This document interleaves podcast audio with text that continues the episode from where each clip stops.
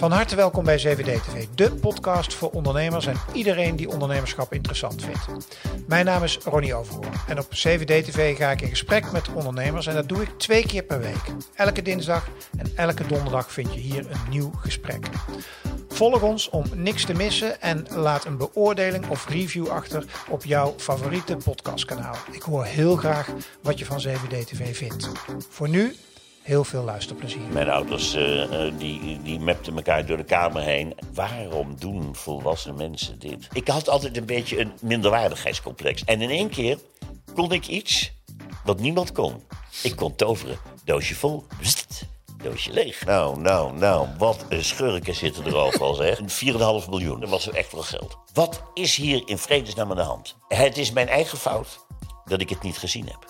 Ja, en dan val je in een heel diep gat. Het moeilijkste is accepteren dat het zo is. En toen dacht ik, shit, dit is een mooie business. Mijn hele lichaam is binnenste buiten gekeerd. Gezonde mensen willen wel duizend dingen, maar zieke mensen willen maar één ding. Ja. Beter worden. Het is geen verdienste dat ik een optimistisch, vrolijk mens ben. En hier is hij dan, de man die alles kan. Hans Kazan. Hij wordt 70 jaar en zit maar liefst 50 jaar in het vak. En dus zit hij boordevol waardevolle ondernemerslessen. Uh, tijd voor een heel goed gesprek met Hans Kazan. Welkom bij CVD TV. Ja, Hans, leuk je weer te zien. Dat is wederzijds. Ja, en uh, uh, voor de kijkers, we komen elkaar zo nu en dan op de zakelijke podia tegen in, uh, in Nederland. Ja. ik als dagvoorzitter en jij als spreker vaak. Um, maar laten we eens even beginnen met je verjaardag. Want je, je, je wordt, zoals we dit opnemen, ben je een paar dagen voordat je 70 jaar wordt.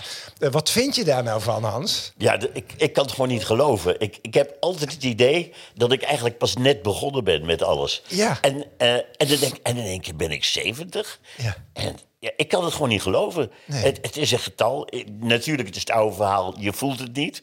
Tenminste, ik voel, voel mij niet 70. Want ik denk altijd, een man van 70 is een oude opa met, ja. met, met, een looprek en, en, en, en, en, en die rochelend over straat loopt. maar, maar, niet ik. Ja, ja, zo is het leven. Ja, want, wat, wat, want hoe ervaar jij ouder worden in het algemeen? Uh, nou, als je ouder wordt, op zich heb ik geen problemen met ouder worden.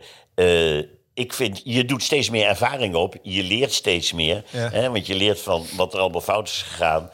En um, je wordt steeds, hoop je tenminste, een klein beetje wijzer. Uh, te, je raakt nooit uitgeleerd, dat weten we ook allemaal. Ja. Maar um, ik, ik heb geen problemen met ouder worden. Nee, nee? Het is, ik vind het een hele natuurlijke gang. Ja, je wordt geboren.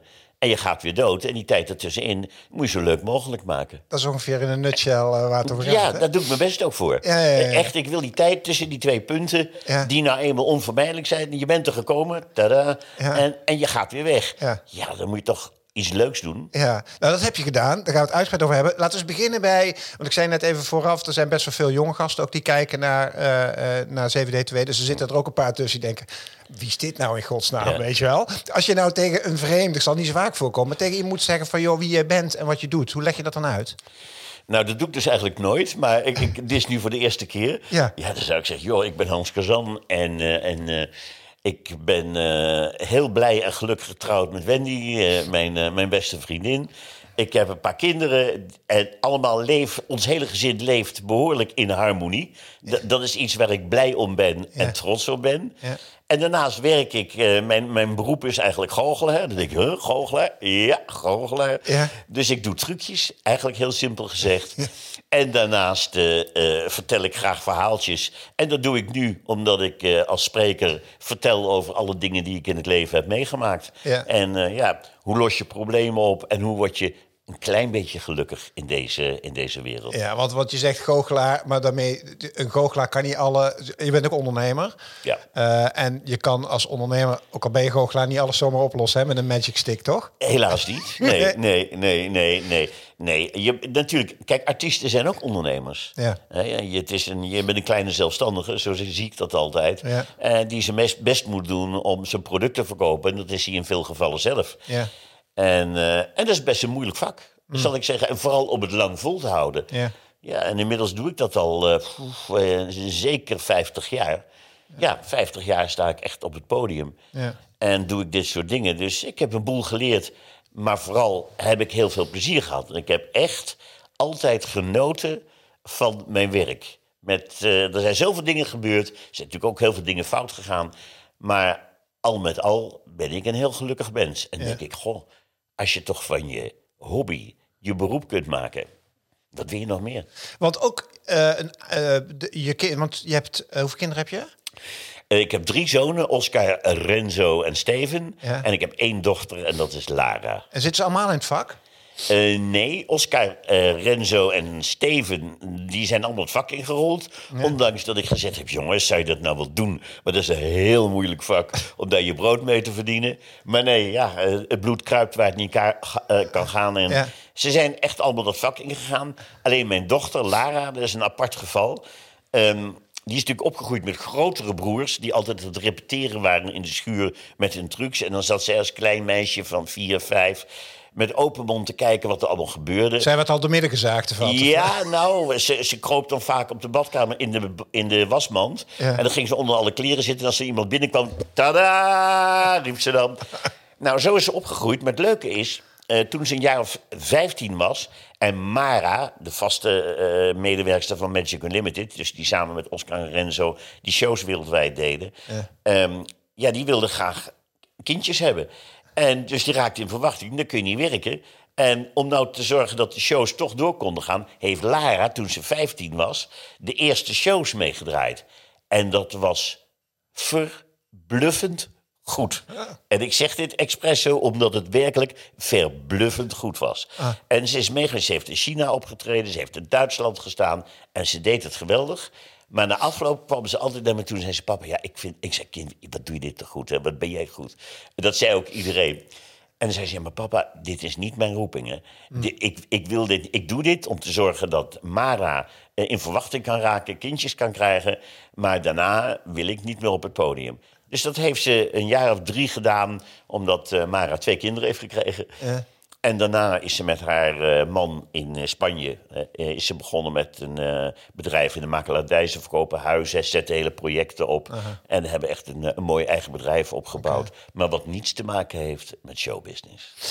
Ehm, laten we eens helemaal teruggaan naar het begin. Want er, wordt wel, wel eens, er is wel eens wat over geschreven. Maar ehm, als jij kijkt naar jouw prille jeugd, hoe zou je die dan samenvatten? Nou, dat mijn prille jeugd niet een feest was. Ik, eh, ik heb, ben helaas niet in een harmonieus gezin eh, opgegroeid. Eh, mijn ouders die, die mepten elkaar door de kamer heen. En dat is voor een, een kind van drie, vier, vijf vreselijk. Letterlijk? Letterlijk. Want ja, als kind houd je van je papa en van je mama. Ja. En dan vind je het vreselijk als die twee ruzie maken. En, en, en vechten het over de grondrollen, bij wijze van spreken.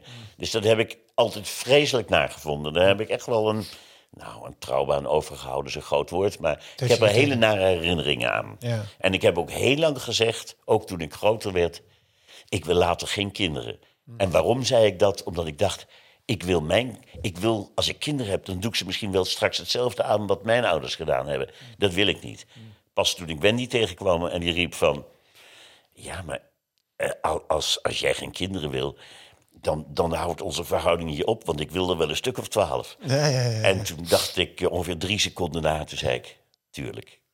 En dan, dan ontmoeten we elkaar wel ergens in het midden, zeg maar. Dat zijn er uiteindelijk vier geworden. Ja, precies. heb je broers of zus eigenlijk? Ik heb één zus, eh, Ellen. Ja, ja, ik heb één zus. Eh, die is natuurlijk op dezelfde manier opgegroeid zoals ik. Dus zij is op een gegeven moment ook uit Nederland vertrokken. In Schotland gaan wonen. Hij heeft veel gereisd. Nu woont ze weer in Nederland inmiddels. Eh, maar ik denk wel dat zowel zij als ik daar toch wel alle twee wel een tik hebben meegekregen Ja. van, van de, de, de jeugd. En nogmaals, we zijn niet, eh, heel, het is niet heel dramatisch, maar het was echt niet fijn. En ja, ja, je hebt gewoon geen leuke jeugd gehad. En het is ook niet goed gekomen meer hè, met je ouders later. Nee, nee. Eh, Ze zijn gescheiden, inderdaad. Eh, mijn vader opnieuw getrouwd. Nou, dan worden de, kinderen, worden de kinderen groter. Dus dan was je door de week bij je moeder. En in het weekend kwam mijn vader me ophalen. En dan kwam mijn vader me weer terugbrengen bij mijn moeder in Nijmegen. En hups, dan explodeerde het weer. Ja, en daar heb ik echt dingen mee meegemaakt. Dat je denkt, waarom doen volwassen mensen dit? En waarom vechten ze hun strijd uit waarom strijden ze, die, strijden ze over de rug van de kinderen? En dan was het echt van, eh, van wie hou je nou het meest? Van papa of van mama? Dat ja? Dat kan toch niet? Dan kun je niet vragen aan een kind die een papa en een mama wil hebben. Hou op. Ja. En dat, nee, dat is, dat is niet, ehm, niet fijn. Als je, de, ik denk dat iedereen heeft, zeg maar, kras op de ziel, noem ik het maar even, hè, Ja. of wordt gevormd door. Ehm, eh, maar het brengt je ook wat, is mijn ervaring. Dat, laat ik zo zeggen, als je nou eh, los van de, de, de hele analyse die je zou kunnen doen, maar heeft het je ook op een positieve manier dingen gebracht uiteindelijk? Ehm, ja, nou ja, ik ben heel erg eh, altijd bij mezelf gebleven. Eh, toen ik groter werd, eh, zag ik natuurlijk veel scherper dan toen ik een klein kind was, hoe, hoe die situaties was. En op een gegeven moment, toen ik mijn eigen leven ging leiden, ik ging. eh, eh, heb, toen ging ik, hoe moet je dat zeggen? ik zag al die dingen scherp en ik was altijd voor vrede. Ik was geen ruziemaker. Dat kan ik nog steeds niet. Ik kan geen ruzie maken, omdat ik er vroeger zo'n hekel aan had. Ik kan bijna niet kwaad worden. Of er moet wel iets heel ergs gebeuren. Ehm, ja, het heeft, het heeft invloed op je. Maar wat precies, kan ik niet zeggen. Heel veel mensen denken, omdat ik nu een, eh, een heel harmonieus gezin heb. Hè, ik ben al een leven lang samen met mijn beste vriendin. Ik ben al, eh, mijn kinderen zijn hartstikke leuke kinderen. We hebben een heel leuk harmonieus gezin. Heel veel mensen zeggen dan, komt dat dan misschien omdat je vroeger daar zo naar verlangd hebt? De denk, ik weet het niet. Want dat doe ik niet bewust. Het is, Wendy en ik kwamen elkaar tegen en er was harmonie. Ja, een soort wonder. Ja. En, en, en de kinderen kwamen en die groeiden op die manier op. Dat is altijd zo geweest. Maar of dat daardoor komt, dat weet ik niet. Ik ben geen eh, psycholoog of psychiater die daar eh, zich in verdiept. Ik ben al lang blij dat het zo is. Wanneer, was, eh, wanneer wist je dat je goochelaar wilde worden? Eh, ik denk dat ik een jaar of negen was. Eh, toen kwam ik met eh, Hugo van der Zee, was een vriendje van mij. Uit school, liep naar zijn huis waar een babytje geboren was. En we hebben dat babytje bewonderd. Eh, de kraamverzorgster, weet ik nog, deed de deur open bij hen thuis. Liet dus die baby zien, eh, nam ons mee naar de keuken, glaasje ranja. Eh, en toen kwam het wonder dat mijn hele leven heeft veranderd. Want de kraamverzorgster had een doosje lucifers en dat mocht ik vasthouden. En dan zei ze, hocus pocus pilatus, pas. Maak het doosje maar open. En dan waren die lucifers weg.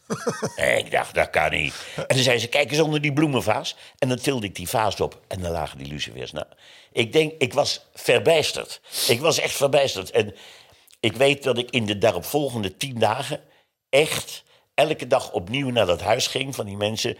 Aanbelde, dan deed de kraamverzorgster open. Dan zei ik, mevrouw, mag ik alsjeblieft even naar het babytje kijken? Ja, ze had al lang door. Ik kwam nu voor dat babytje. De goocheltruc. Die heeft ze me toen uitgelegd op de laatste dag. En dat was voor mij ja, een openbaring. Want in één keer, ik had altijd een beetje een minderwaardigheidscomplex. Daar komt het eigenlijk op neer. Dat kwam door die gescheiden toestand. Ja. Eh, ehm, ja, ik, ik, was dat, dat, dat, ik was dat jongetje van die ouders die elkaar de deur uitmepten. Dus dat was heel. Dat, ja, je werd met de nek aangekeken. Daar kwam het eigenlijk op neer. En in één keer kon ik iets wat niemand kon. Ik kon toveren. Doosje vol, doosje leeg. Oh, Antje, hoe doe je dat? Nou, en dat was het begin. En toen ben ik goochelboekjes gaan, gaan halen bij de bibliotheek waar ik lid van was. Ik ging mijn eerste optredens doen, op school een keer. Dan later dat moeders van kinderen mij uitnodigden. Hé hey, Hansje, kom je ook op de verjaardag? Met de bedoeling dat je dan natuurlijk goocheltrucs ging doen. Ja, zo is het eh, langzaam opgebouwd. Misschien dat het toch wel een soort van. eh, ik probeer maar even een libellenpsychologie toe Ja, te ja. passen hoor. Maar dat juist dat verleden een beetje toch heeft. Dat die drang naar het podium toch een soort van eh, reactie geweest is op. Het mooiste. ehm, ik voel me altijd heel blij als ik op het podium sta. En waarom voel ik me extra blij buiten wat ik daar mag doen en mag geven, is. Ik doe daar precies wat ik graag wil. Ik doe het op mijn manier. Het publiek zit in de zaal. En als het afgelopen is. En dan denk ik. Daar is rust. Niemand zeurt aan je kop. Niemand zeikt over allemaal dingen. Ik bepaal, ik doe het op mijn manier. En, en dat is het. Ja. Nou, daar word ik een beetje blij van. Ja, ja heb je de regie. Dan heb je de regie, dat Ja. zeg je mooi. Ja. Wanneer brak je door? Hoe oud was je Wanneer brak ik door? Ja, eh, even kijken. Ik denk dat ik 23 was, zo ongeveer. Dat ik ehm, eh, net Wendy ontmoet had. We woonden net samen, we waren net getrouwd. En Wendy was nog heel jong, die was net 18. En ehm, ja, er was niet genoeg brood op de plank. Er moest werk komen, maar er was niet veel. Ik had ook geen geld. We hadden ook geen, hadden een huurhuisje. En toen dachten we, nou weet je wat we doen? We lenen de auto van Wendy's broer. En we gaan naar Zuid-Frankrijk, waar wij een oom Harry hadden. Die in Zuid-Frankrijk woonde. En toen we daar waren, toen zei oom Harry tegen mij... Mijn zoontje kijkt hier naar televisie Monaco. En daar is een goochelaar. En die legt trucjes uit die de kinderen zelf thuis kunnen doen. Dat moet jij in Nederland doen. En ik dacht, goh, dat is een leuk idee. Dus wij gingen weer terug naar Nederland. En toen belde ik de twee enige kinderprogramma's die toen bestonden in Nederland. Eh, Ria Bremer met Stuivenzin Oh ja. en Ren je Rond met Martin Broos. Dit is voor de oude lullen die zitten Dit te is echt kijken. voor de oude lullen.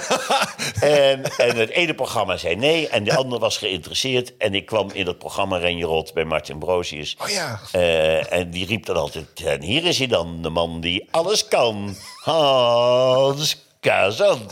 Nou, en dan deed ik een goocheltruc. En dan zei ik, nou, als je wil weten hoe het werkt... moet je volgende week woensdag weer kijken. En dan legde ik die truc uit. Gaf ik weer een nieuwe opdracht. En dat was het begin van een eh, hele lange televisiecarrière. Ja, want misschien goed om te zeggen dat in die tijd natuurlijk, als je op televisie kwam, dan betekende het ook dat vanaf dag één half Nederland jou kende. Want Ja. de, de ene helft keek naar zender 1 en de andere Ja, helft keek naar. Er zender was niet 2. meer. Ja. Nee. Nee, Nee. er was niet meer. Ja. En ik zat in dat kinderprogramma, ja, dus dat was razend populair. Dat heb ik jaren gedaan. Toen kreeg ik langzamerhand eigen programma's. En dat is uiteindelijk uitgelopen tot goochelprogramma's, tot, eh, hoe heet het programma, Prijzenslag natuurlijk. Wat ik voor RTL Veronique, er- later RTL 4 heb gedaan. Nou ja, eindeloos veel dingen. En... eh, Werd je toen ook groot qua ondernemer? In de, of is het altijd een soort freelance ZZP-status geweest? Of heb je ook tijden gehad dat je...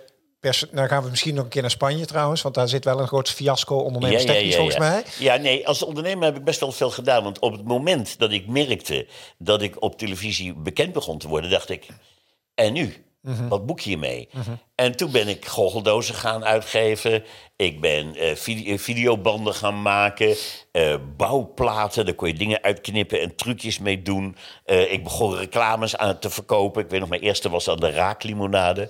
Iets met flessen en een, en een geel cassettebandje, herinner ik me nog, met trucjes. Ja, ik was best wel commercieel aangelegd. Ik Ja, deed ja. echt heel veel. Ja. Ik dacht, alles wat ik maar kon bedenken om, om mijn brood te verdienen...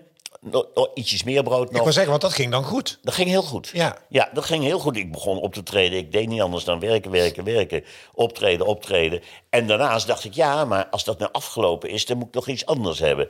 En daarom ging ik al die dingen doen. Boeken schrijven, videobanden. Nou, het hele Mm. riedeltje wat ik je net vertelde. En eh, ja, dat, dat liep eigenlijk heel goed. Eigenlijk alle dingen in die tijd die ik aanraakte, was... Dat ging goed. Ja. En, maar ik heb natuurlijk heel veel geleerd in die tijd. Ik bedoel, ik ging boeken uitgeven, maar- dan kwam je bij een uitgever. En die uitgever gaat proberen om jou op te lichten. Tenminste, in mijn geval was dat zo. En eh, nou, die avonturen, dat zijn er een heleboel, ga ik je niet zitten vertellen. Eh, eh, maar daar zijn wat dingen gebeurd dat je echt... Ik werd in een hele korte tijd werd ik heel wijs. Want toen dacht Omdat er natuurlijk allemaal slinkse zaken mensen Ja. graag zaken met je wilden doen. Maar jij was vooral artiest natuurlijk. Ja. Dus je werd uitgebuit, als ik het even heel plat zeg. Eh, ja, dat probeerden ze wel, ja. Mm. ja. En dat is in eh, eh, niet heel veel gevallen gelukt. De enige die dat gelukt is, was ooit, maar dat was veel later... het Magic Palace in, in Spanje. Het theater wat ik daar gebouwd had. Ja, daar ben ik onderuit gegaan. Eh, en dat, dat, dat, dat had ik niet tijdig door. Maar al die andere dingen, de, ik noem het maar de kleine boefjes... met boeken, met, met merchandising, met attributen, met... Nou, nou, nou, nou, nou, nou. Wat een schurken zitten er overal, zeg. Goeie genade. zeg. Ja, maar heb je daarmee het vertrouwen verloren in ondernemend... Nee. eh, nee? Nee, want ik vind dat je niet kunt leven zonder vertrouwen. Eh, als je echt helemaal alleen maar eh, bang bent voor dat iedereen on- onbetrouwbaar is, dan kun je niet meer samenwerken. Je moet kunnen samenwerken, maar ik heb wel geleerd in de loop van de jaren dat ik wat voorzichtiger moet zijn. Eh, als, ik, als, ik, als er contracten gemaakt worden. Vroeger las ik een contract. Oh ja, dat kan ik ook wel lezen. Nou, dat, dat doe ik nooit meer. Nee? En daar gaat, nee, daar gaan nu echt eh, gaat een goede expert naar kijken. Die gaat me adviseren. En dan luister ik echt heel goed wat daar gezegd wordt. Vroeger was ik daar te makkelijk in. Is dat misschien een les? Want je hebt natuurlijk nu eh, in, in de nieuwe wereld, kijk naar je zoon Steven, hè, met, eh, met Jamie, die Ja. natuurlijk behoorlijk eh, bekend eh, Ja. aan het worden zijn in Nederland. Eh, in, in hun, eh, zeg maar, er is een hele generatie nu, of je ze nou influencers noemt, of, hè, maar de- ik noem maar even de nieuwe BN'ers eigenlijk. Eh, en die zie ik dan vaak in hun twintiger jaren, zie ik ze op social en dan krijgen ze een dealtje met een autofabrikant en ze krijgen een, een nou ja, eigenlijk wat jij net schetst in jouw begincarrière. Wat zou jou zeg maar, wat zijn jouw tips dan naar dat soort eh, eh, jonge mensen die nu ook, ja, noem ze artiest, noem ze BN'er, aan het begin Kijk van uit, hun wees voorzichtig. Ja? Ja, kijk uit, wees voorzichtig, want het, het kwaad schuilt overal. Dat is nu eenmaal zo. Jammer, maar helaas. Maar kijk uit, want het zit overal en het zijn meestal de mensen waar ik totaal niet van verwacht. Hmm. Eh, en dat, is, dat heb ik in de praktijk wel meegemaakt. Maar dus, eh, eh, juri- zorg dat je iemand naast je Ja. hebt die juridisch naar jouw Als het carrière werkelijk ook, kijk, niet als het over kleine dingetjes gaat. maar als het over werkelijk, over zakelijke dingen gaat. waar echt aanzienlijke bedragen mee gemoeid zijn. Mhm. ja, dan moet je echt een advocaat in de hand nemen. om dat contract te laten lezen, dat te laten begeleiden. eh, dat heel goed in de gaten te houden. Anders heb je daar later gewoon spijt van. Kijk eens naar, want wat is, is dan Spanje jouw theateravontuur? is dat dan het grootste debakel zakelijk, als je daarop terugkijkt? Of is Ja. dat, ja? Ja. Kun, je, kun, je dat eens, kun, je, kun je die casus eh, laten we de pijn even nemen? Ja, nou, ik zal zo kort mogelijk proberen. Het is best Ja. een lang verhaal. Ja. Eh, ik had nog één droom op het einde van mijn carrière. Ik was verhuisd naar Spanje en wilde graag een eigen theater. Hoe oud was je toen? Ehm, ik ben nu 70. Ik denk dat ik eh, achter in de 50 was. Ja, hè. je noemt einde carrière, maar je zit nu hier, Ja. je, je carrière is nog niet klaar. Nee, Maar nog niet klaar. even Nee, kanttekening. nee, nee. Nee, goed, maar ik je- dacht, ik woon in de herfst van je carrière. Ja, ik dacht, ik wil nog één ding. Een eigen theater in Zuid-Spanje, waar ik toen ook al woonde. Eh, met mijn kinderen. Eh, ik dacht, een internationale show eh, aan de Costa del Sol. Want de Costa del Sol is niet heel groot. Maar er komen wel 8, 9 miljoen mensen per jaar voorbij... die er één of twee weken zijn. Hè, en de helft zijn Engelsen, nog een stel Duitsers... en de rest is andere mensen van over de hele wereld. Dus ik dacht, zo'n show zou geweldig kunnen zijn. Businessplannetje bedacht... Toen had ik nog een investeerder nodig. Was best moeilijk, maar die heb ik gevonden. Nederlandse investeerder, overigens. Ehm, en toen ben ik begonnen met de bouw. Het was een project van, we hebben het over een paar miljoen. Ja, of, eh, over een, een, een 4,5 miljoen. Oké, dat is echt wel geld. Ja, dat was echt wel geld. En ehm, ehm, dat project bouwen en neerzetten heb ik eigenlijk bijna op mijn eentje gedaan. En dat is best wel raar voor een... Ik was goochelaar. En ik was niet echt een zakenman, maar ik deed alle onderhandelingen met de gemeentes, met de architecten, met de bouwers, met de zus, met de zo. En dat, heb ik, dat project heeft me ongeveer drie jaar van mijn leven gekost dat ik zo hard gewerkt heb. Want ik deed en mijn optredens in Nederland. En ik moest nog eens in Spanje alles regelen en, eh, en, en neerzetten. Dus ik vloog echt soms wel twee keer op een dag op en neer. Echt helemaal krankzinnig was dat. Maar ik deed het toch allemaal. En uiteindelijk stond uit dat theater. Prachtig mooi theater, 600 rood pluche stoelen. De mooiste techniek erin, de bar erin, alles. Het was helemaal geweldig. En eh, drie maanden na de opening komt die andere investeerder naar mij toe. En die zegt, Hans, ik wil dat je ermee stopt. Ik zeg, hoe bedoel je, ik wil dat je ermee stopt? Nou zegt hij, het gaat niet goed genoeg. Ik zeg, nou, het gaat niet goed genoeg. Ik zeg, joh, we zijn vijf dagen per week open. We hebben een bezettingsgraad van ongeveer 65 procent, 60, 65 procent. En we zijn pas drie maanden open. Dat is heel goed. En we zijn bezig met alle grote, eh, hoe noem je dat, eh, evenementen die we gaan binnenhalen. Ik was al bij Heineken in, eh, in Madrid geweest, ik was hier geweest, ik was daar geweest. Nee, nee, nee, nee. Het moet gelijk vanaf dag één 100% vol zitten, anders heeft het geen zin. En ik was helemaal verbijsterd, want zo had hij nooit gesproken. Dus ik dacht echt, wat is hier in vredesnaam aan de hand? Ik probeer een heel lang verhaal kort te maken. Op, ik ga naar huis, ik vertel dit verhaal thuis. Ik zeg, jongens, ik snap er geen bal van. Maar... En het werd, want het werd ruzie en hij stond erop dat we stopten. Op een gegeven moment heb ik tegen de jongens gezegd... eh, Oscar Renzo en Mara en Magical Limit, die de show deden... van jongens, we stoppen de show hier in Spanje. Ik zet jullie wel ergens anders neer, dat komt wel goed. En dat theater, dat verkopen we wel. En toen kwam de aap uit de mouw. Want wat bleek? tijdens, eh, eh, eh, tijdens het hele proces had, had ik tegen hem gezegd, tegen die investeerder van... Goh, zou jij al die papierwinkels willen regelen? Daar, komt hij. Met de notarissen en de dit en de dat en de zo. Ik zeg, jij bent de zakenman en ik ben alleen maar een artiest met een droom. Dus we passen goed samen, doe jij dat nou? En wat bleek toen? Dat er in dat contract een regel stond... dat als de familie Kazan de exploitatie eh, zou stoppen... verviel al het onroerend goed aan deze investeerder. Er waren namelijk twee BV's, exploitatie-BV eh, en de BV waar het onroerend goed in zat. En hij had die regel erin gezet, als de kazans stoppen, is, vervalt alles aan mij. Het is mijn eigen fout dat ik het niet gezien heb. Dat is mijn eigen domme fout. Daarom zeg ik ook altijd, laat het nakijken. Maar ik was in één keer, na drie, vier maanden... was ik alles kwijt waar ik mijn hele leven voor gewerkt had. Alles met totale eh, eh, geld wat ik overigens gebruikte om te investeren. En maar nog erger, want in die periode... Het, het pand was duurder geworden dan gedacht. Dat gebeurt wel vaker. En toen wilde ik eh, niet alleen deze investeerder laten bijlappen, om het maar even zo te zeggen. Toen dacht ik, als hij bijlapt, moet ik het ook doen. Dat vond ik netjes. Zo, ja, zo ben ik nou eenmaal. En toen heb ik een hypotheek genomen op mijn huis in Spanje. En dat was een bedrag, ik weet het staat in mijn geheugen gegrift, 1 miljoen, zeven- ze- 1 miljoen 720.000 euro. Is ook een heel mooi huis. en, Als een extra hypotheek. ja, ja, ja. Maar dat heb ik in één keer erin gezet. En drie maanden later was ik dus alles kwijt. Hè? Alles. Dus al mijn kapitaal wat ik had, alles, mijn, mijn, mijn, mijn reserve voor de toekomst was, was dat huis. Ik zei altijd tegen Wendy, nou als mij iets gebeurt... ach, verkoop je het huis, kun je nog je hele leven pizza's eten... en een glaasje wijn drinken. Dus nou, dat komt wel goed. Maar dat was allemaal weg. Ja, en dan val je in een heel diep gat. Want dan denk je, dat kan niet waar zijn. Dat alles wat ik mijn hele leven voor gewerkt heb... nu zomaar mij is afgenomen. En dan lig je op de grond en dan zijn er mensen die zeggen... ja, maar als er ergens in je leven een, eh, een, eh, een deur wordt dichtgegooid... gaat er op de andere plek wel weer een raampje open. Dat is wel zo. Maar op dat moment dringt dat niet tot je door. En op dat moment lig je alleen maar op de grond. Ja, in een hele diepe En ben je put waar geen deur... verdrietig Ja, en dan lig je... en naar. Ja. En dat heeft toch wel een jaar of twee, drie misschien zelfs, nou, dat weet ik niet meer precies, twee, drie jaar geduurd. Voordat ik weer op kon staan.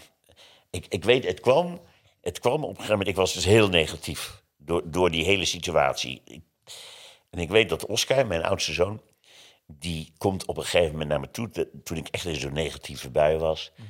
En toen zegt hij, papa, ik heb een film gezien eh, eh, van eh, Rocky Balboa. Dat gaat over een bokser, gespeeld door Sylvester Stallone. Ik houd niet zo van die films, maar hij vindt ze prachtig. En, en in die film wordt gezegd, is een uitspraak en die luidt... Het gaat er niet om hoe goed je kunt slaan als bokser... maar het gaat erom hoe goed je kunt incasseren. En op dat moment ging er bij mij echt een vonkje dat ik dacht... shit, Kazan, je bent een lul. Dat je je laat, helemaal ten neer laat staan... Om, omdat je geld weg is. Nou en? Nou en? Wendy had het ook, mijn vrouw had het ook al gezegd... joh, wat maakt het uit? We gaan in iglo wonen. Met z'n tweeën. Hebben we het ook gezellig. Komt helemaal goed. Maak je niet druk. Maar ja, van binnen deed het zo'n pijn. En toen is het heel langzaam weer, kwam ik weer bij zinnen, laat ik het zo maar zeggen. En ben ik weer aan de slag gegaan. En zijn er weer een heleboel mooie dingen uitgekomen. En nu ben ik weer een heel blij en gelukkig mens. En even heel concreet, die, die twee, drie jaar. Want was, was je echt plat zak? Want hoe zag je, jullie leven nou? Moest je echt naar dat iglootje toe? Of hoe, hoe werkt dat nou, dan? niet naar het iglootje. Bij het huis moesten we natuurlijk wel uit. En bij- Ja, dat moesten we eerst verkopen. En dat was moeilijk. Ja. Want het was, ach, die, die drie jaar waren echt eh, geen leuke jaren. Maar als je nou kijkt, hè, er zijn mensen, ondernemers ook, die ehm, zeker, je hebt natuurlijk ondernemers die hebben scheid en ballen Ja. en die en die boeit het allemaal niet en die hebben zoiets, ah, als geld op, ze ziet. Maar er zijn ondernemers best wel eng. Ja. En de en de grootste nachtmerrie die mensen dan hebben is dit. Ja. Weet je, Ja, en dan dat ja, is in jouw geval ook nog genaaid, want je bent Ja. gewoon genaaid. Ja. Eh, en, maar je raakt alles kwijt. En je zit financieel in één keer failliet, Ja, helemaal dat aan de is grond. vreselijk. Ja. Ja, ja. Er Maar, zijn maar toch zit jij hier nu. Ja, dat klopt, Eh, ja. Oftewel, Nou- ge- geef ons eens hoop dan. Ja, nou, wat ik geleerd heb, en, en zo is het ook... het moeilijkste van die situatie is na als er iets naars is gebeurd. In mijn geval was dat dit, maar dat kan in elke nare situatie zijn. Het moeilijkste is accepteren dat het zo is. Accepteren dat het gebeurd is. En accepteren dat als iets gebeurd is, is het voorbij, oftewel verleden tijd. En het verleden kun je niet veranderen. Als je dat nou voor jezelf accepteert, het is zo. Verder niks. En dan moet ik niet gaan wijzen. En dat komt door die gast. En dat komt daardoor. En- of het oh, komt ja. door de corona. Of het komt door die oplichter. Dan ben je bezig met negatieve dingen. Want dan ga je jezelf naarmaken. Wat je moet doen is nogmaals, maar ik weet dat het heel moeilijk is. Ik weet het uit ervaring. Ehm, is accepteren dat het zo is. Dat is stap één.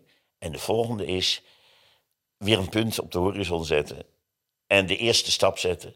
En als de eerste stap geweest is, volgt de volgende.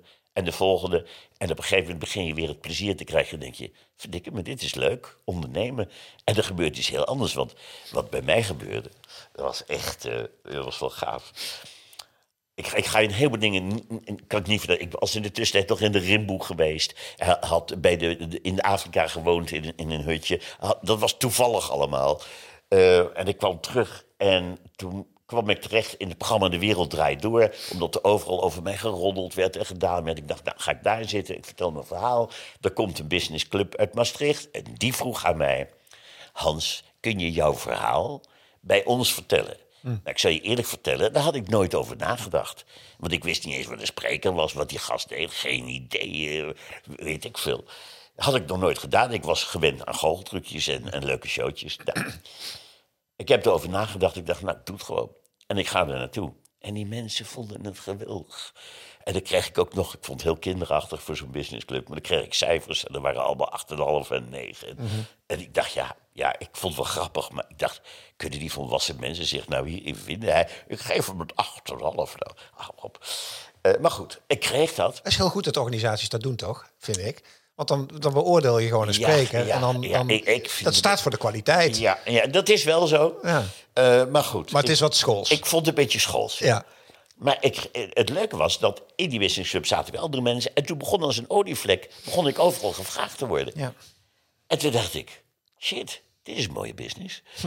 En zo, toen begon ik met spreken. Dus toen dacht ik, oh, maar daar kun je dus echt je brood mee verdienen. Dat zeggen mensen bij mij ook wel. Kun je daar je brood mee verdienen met dagvoorzitter? Ja, ja. Hoor. ja. ja, mooi. Prima. Ja. Ja. ja, maar mensen hebben soms geen idee. Dat ze denken van, toen ik er hiermee begon, zei ik, maar hoeveel bijeenkomsten zijn er dan op een dag? Ja, zei ik, nou, dag. jij wil niet weten. Hoeveel zakelijke bijeenkomsten? Ja, dat zijn er duizenden, denk ik, per dag. ja, Dus, eh, dus dat begon te lopen. Ja, dat begon te lopen. En toen kwam langzamerhand, begon weer alles te bloeien. En toen ging ik Ja. toch weer shows maken. En ik ging dingen aan die verkopen. Ja, ik ben altijd verkoper. En eh, ik, dat vind ik, dus dan ging ik, weet ik veel, naar Jan Slachter. En dan zei ik, Jan, ik heb iets leuks bedacht eh, voor de corona. Het is nu weer bijna voorbij. We mogen weer naar het theater. Al die oudere mensen hebben opgesloten gezeten. Ik heb een leuke show bedacht. En die gaan we aan ze geven. En dan mogen ze iemand uit hun familie meenemen. En dan is dat leuk. Dan nemen we een, eh, de, de oudere. En, en, en die mag weer een, een zijn kinderen meenemen en die mag weer een kleinkind meenemen. Daar had ik een heel ding voor bedacht. En je dacht, dat is leuk, dat is leuk. En woem, en daar waren weer twintig shows verkocht. En, eh, ja, en, en zo deed ik dingen. En dat vond ik leuk. En zo doe je dingen. En zo doe ik dingen nog steeds, ja. Ehm, ben je ehm, bezorgd eh, over gezondheid? Want je hebt natuurlijk, eh, de, als we kijken, de afgelopen paar jaar heb je een aantal keer, volgens mij ben je echt goed ziek geweest. Ja, ik ben heel behoorlijk ziek geweest. Ehm, ja, Hoe, en eng ik ben is, nu hoe, hoe eng is dat? Want dat is Eh, natuurlijk iets nou- waar je niet zoveel aan... Ja, je kan gezond leven en je best doen om Ja, gezond te leven, nee, maar nou, dan nog... Nou, ik leef eigenlijk best wel gezond. Ja. Ehm, eerlijk gezegd. Eh, maar ja, wat er bij mij aan de hand was. ehm, ik was misselijk en dat is iedereen wel eens. En misselijk zijn en overgeven is, ja, dat is even een dagje lijden. Maar als je drie weken achter elkaar misselijk bent, dag en nacht en s'nachts. En drie weken met die, zil- met, die, met die plastic bak onder je arm loopt. Nou, dan ga je echt door een hel. Eh, het probleem was, waar kwam het vandaan? Nou, alle onderzoeken, hoofd, eh, maag, het lichaam is binnenste buiten gekeerd. Overal hebben ze slangen ingestopt en ja, naalden en weet ik veel wat allemaal. Konden niks vinden, niks vinden, niks vinden. Nee, je bent hartstikke gezond, niks aan de hand. Ik dacht, oh, je bent zo gezond. Iets klopt er niet. Ja, iets klopt er toch niet. Nou, uiteindelijk bleek het te zijn dat ik een bepaald medicijn had. En dat bleek niet te, te matchen met iets anders wat ik gebruikte. En, En toen hebben ze dat veranderd. En als bij toverslag was alles verdwenen. Oh, letterlijk? Zo simpel was het. Maar ik kan je wel zeggen dat ik wel ontdekt heb... Ja, je weet, eh, eh, gezonde mensen willen wel duizend dingen... maar zieke mensen willen maar één ding. Ja. Beter worden. Ja. En ik was zo blij dat ik weer gewoon aan het werk kon. En, eh, en weer het podium op kon. En weer kon reizen tussen Spanje en Nederland. En ja, al die dingen die wel zwaar zijn en vermoeiend zijn en energie nemen. Maar die raak ik graag kwijt aan dit soort dingen. Mm, en je bent dus niet, het is niet dat je een soort onzekerheid hebt gekregen, waardoor je elke Niet dag zit- onzeker, maar ik ben er wel van geschrokken. Ja. Ik dacht wel van, verdikke me, dit is toch wel heel naar hoor. Ziek zijn. En ik, ik kijk toch met andere ogen weer naar mensen die echt chronisch ziek zijn. Ja. Of iets hebben dat ik denk, ja, ja het is, je ziet het en dan is het iemand anders. Maar als je het zelf meegemaakt hebt, dat je niks meer kunt. Wat ben ik blij dat het, eh, Ja. dat het leven weer normaal is. Waar denk je dat ehm, jouw eh, energie en jouw enthousiasme en wat je uitstraalt en waar, waar zit de bron daarvan, denk jij? Is dat gewoon wie jij bent? Ja, ja, daar ben ik 100% van overtuigd dat dat gewoon, dat is zoals ik ben. Ik kan niet anders. Het is dus ook geen verdienste. Nee. Eh, het is geen verdienste dat ik een optimistisch, vrolijk mens ben. Ik ben gewoon zoals ik ben. Ja, en, eh, en ik, ik, ik lach graag en ik, eh, ik ben eigenlijk altijd wel optimistisch. En ik heb gelukkig een vrouw die me af en toe even met de voeten op de, weer op de grond zet. Van nou, hé, ja, bedenk nog even aan. Ik zou het liefst echt, oh, weet je wat we gaan doen? Dan gaan we zus, of zo. En, ja, zo ben ik. Ja, want Wendy, die hadden, daar hadden we ook nog anderhalf uur over kunnen praten, denk ik. Hè? Over je vriendin, vrouw en eh, geliefde. Ja, Toch? ja, absoluut. Ja, voor mij het belangrijkste in mijn leven. Dat heeft mijn leven veranderd eh, toen ik een jaar of twintig was. Tot die tijd was ik niet echt een, eh, een supergelukkig mens. En eh, op het moment dat zij in mijn leven kwam, veranderde dat. Ook als bij toverslag. En nu, zoveel jaar later, zijn we nog steeds bij elkaar en nog steeds heel blij. Laatste vraag. We gaan nu, je gaat eh, de komende tijd ga je van allerhand festiviteiten meemaken. Want eh, 70 jaar eh, jong Ja. zijn, 50 jaar in het vak, een boek, eh, weet ik wat er allemaal aankomt. Ik ben, ik trots ook dat je hier bent. Echt superleuk. Maar we zijn er nog niet, want je bent pas 70. Ja, precies. Dus wat staat er allemaal op die, op die roadmap van je? Wat gaan we allemaal nog zien van je? Eh, nou ja, wat ik heel graag wil. ehm, ehm, ik spreek natuurlijk al een tijdje, eh, eh, maar dat wil ik gaan uitbreiden. Ik wil het beter maken. Ik, wil het, ik vind mezelf nog niet goed genoeg eh, op dat terrein. Ik, heb, ik, ik wil nog veel meer dingen die ik. En ik weet wel wat ik wil, maar ik moet het nog samenvoegen, om het maar zo te zeggen.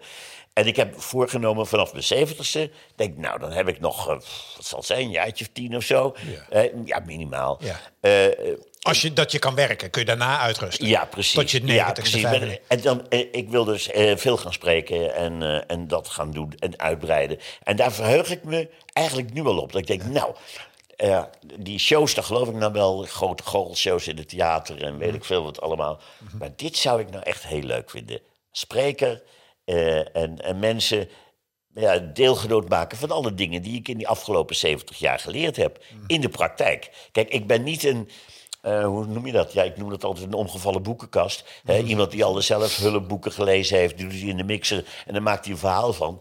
Maar wat ik vertel is een authentiek verhaal. Dat zijn altijd dingen die ik heb meegemaakt. Zo heb ik het beleefd. En zo denk ik dat de beste oplossing is.